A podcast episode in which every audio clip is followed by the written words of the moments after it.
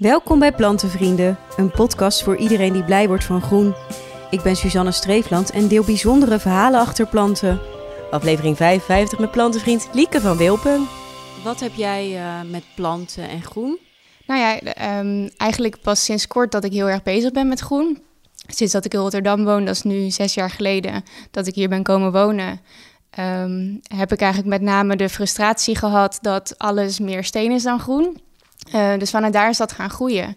Ik ben um, een groot deel van mijn leven heb ik gewoond op het platteland, aan het einde van een uh, doodlopende straat. Daar was altijd veel natuur om me heen. Um, dus daar heb ik het nooit zo gemist. Maar ook niet echt het idee gehad dat ik daar een bijzondere aanleg voor had. Maar toen ik in Rotterdam kwam en zag dat er eigenlijk heel veel groen mist, ben ik dat meer gaan ontwikkelen. En hoe heb je dat gedaan? Um, ik woon zelf in uh, Heliport, ken je wellicht. Het is um, ook wel bekend als Kabouterdorp in Rotterdam. En er zijn heel veel balkons, maar heel veel balkons waar eigenlijk niks gebeurt. En zodoende dachten we van, oké, wat gaan we nu uh, in het leven roepen om uh, ja, mensen te stimuleren om op kleine schaal met groen te beginnen. Ja, we zijn een bedrijf begonnen, uh, Marvie Green heet het. En um, het is een vergroeningswinkel in Rotterdam-Noord. We zitten in het Zwaansalskwartier. En dat is eigenlijk de fysieke plek waar we mensen kunnen ontmoeten, kunnen enthousiasmeren, maar met name ook kunnen begeleiden naar meer groen in de stad. En dat wat eigenlijk begon als op kleine schaal uh, balkonbakken gevuld aan huis brengen, is uh, gegroeid tot een wat groter um, groen project waarbij we groendaken doen, geveltuinen aanleggen, helpen met bewonersinitiatieven, eigenlijk heel erg breed in de openbare ruimte aan de slag gaan.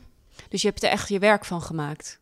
Ja, nou deels, want ik werk nog part-time. Uh, heb ik een baan ernaast, maar ik doe het samen met mijn vriend. En we hebben twee dames die ons helpen in het Marvin Green collectief. En um, ja, we zijn nu met z'n vieren en we zoeken eigenlijk ook nog mensen om te kijken hoe we verschillende expertises bij elkaar kunnen brengen. Maar zodoende runnen we nu met z'n vieren de winkel en um, doen we ook de projecten daarbuiten.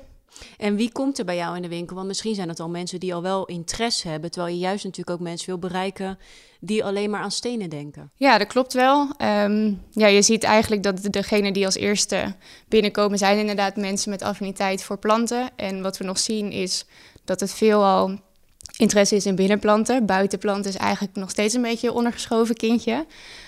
Um, dus we proberen ook de mensen die dan bij ons komen misschien primair voor een kamerplant ook te vertellen wat we daarnaast nog meer doen. We hebben een kas in de achtertuin, dus die kunnen we ze laten zien wat voor mooie planten er staan en wat je ermee zou kunnen doen.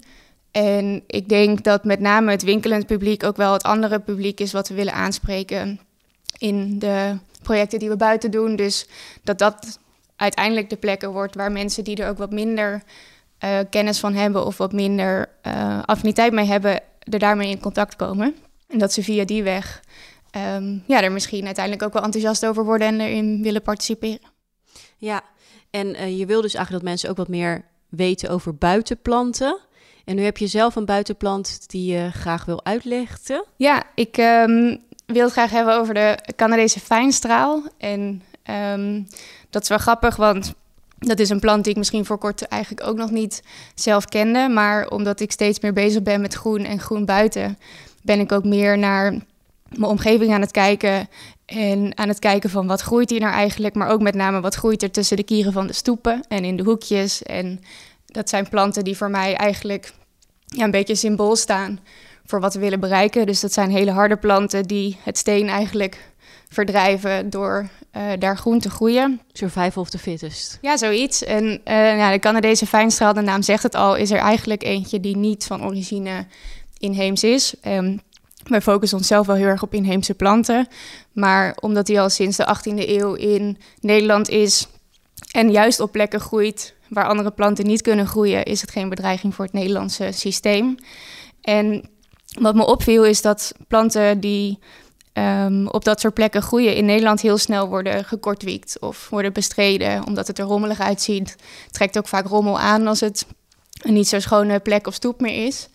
Maar we waren dus laatst op vakantie in Roemenië en daar vond ik dezelfde planten. En toen viel eigenlijk pas het kwartje, die daar dus in um, berggebieden groeien en helemaal tot bloei komen. En ik me toen realiseerde van, zo heb ik hem eigenlijk thuis nooit gezien. En het is een heel mooie plant. Het heeft een lange stengel met in de kop um, ja, heel veel verschillende kleine bloempjes. Eigenlijk ja, kleine margrietjes, zo zou je het kunnen zien. De kleur wit. Ja, de kleur is wit. En als ze zijn uitgebloeid, krijgen ze van die grijze pluizenbolletjes die je misschien ook een beetje kent van de paardenbloem. Dus dat is ook de manier waarop ze zich verspreiden.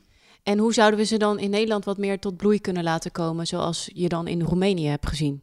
Nou ja, wat je ziet is dat ze al steeds meer fijnstraalsoorten ook gaan cultiveren. Dus dat ze echt worden gekweekt voor in de tuin.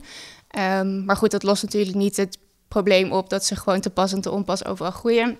En dat is ook wat ze doen. Dus ik denk dat het mooi is om ehm, ja, wellicht het maaibeleid of het bestrijdingsbeleid, dat je daarnaar kan kijken van waar wil je ze laten staan. Op braakliggende terreinen kunnen ze eigenlijk hun gang gewoon gaan. En dragen ze ook daadwerkelijk wat bij aan de biodiversiteit en aan voedsel. Um, dus het is eigenlijk zonde om ze, om ze daar weg te halen. En hoe heb je al deze kennis verworven? Is dat gewoon pure interesse van oké, ik zag die vele stenen en ik dacht ik wil iets doen voor de stad en wat meer richting groen? Of heb je ook een achtergrond daarin? Nee, ja, het is wel grappig dat je dat vraagt, want um, ik kom uit een ander vak eigenlijk. Ik ben conceptontwikkelaar en ik werk in de hospitality-industrie. Dus ik adviseer hoteliers en restaurateurs, bij wijze van spreken.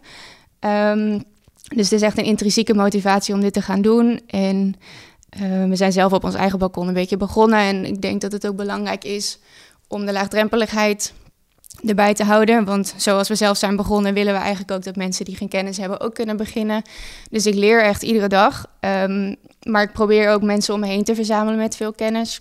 En op basis daarvan de goede keuzes te maken. Dus we zijn ook begonnen terwijl we uh, kwekers in Boskoop hebben gesproken om ons te adviseren van welke planten doen het nou goed in een balkonbak, zodat we het denkwerk vast hebben gedaan voor wie bij ons op bezoek komt en ze daarin ook kunnen meenemen.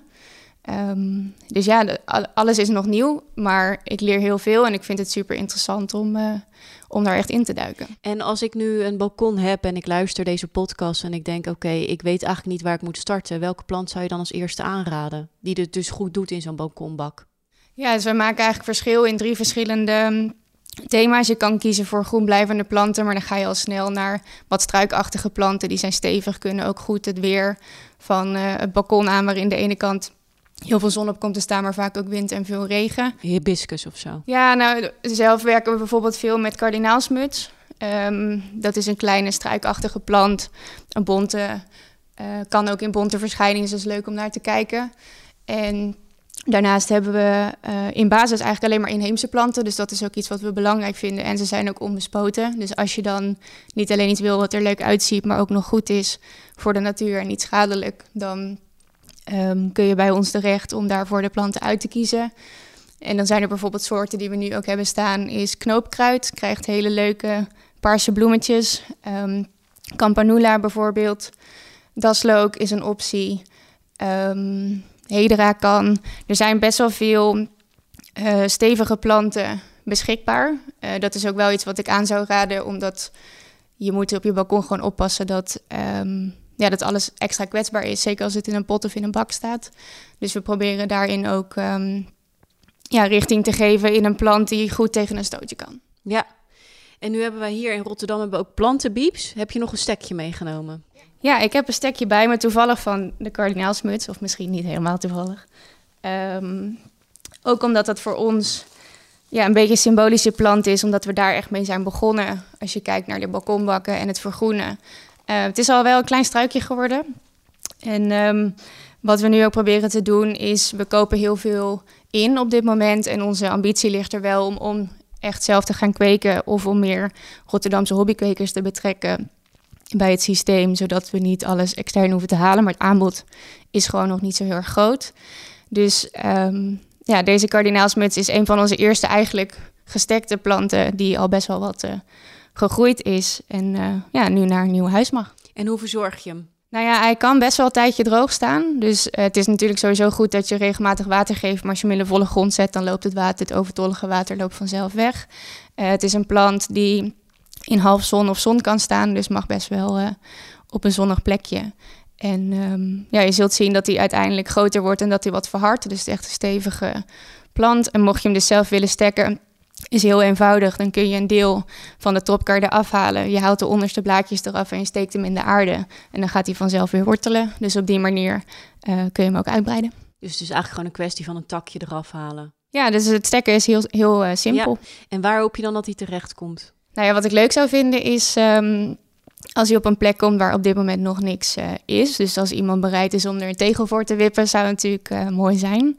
En um, ja, wie weet uh, groeit hij dan uit tot een grote struik of kan er later nog wat bij. Maar een beginnende geveltuin, ja, dat zou tof zijn.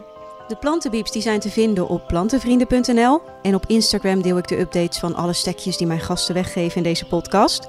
Heb je zelf een verhaal te delen? Dan kan je dat mailen naar podcast.plantenvrienden.nl.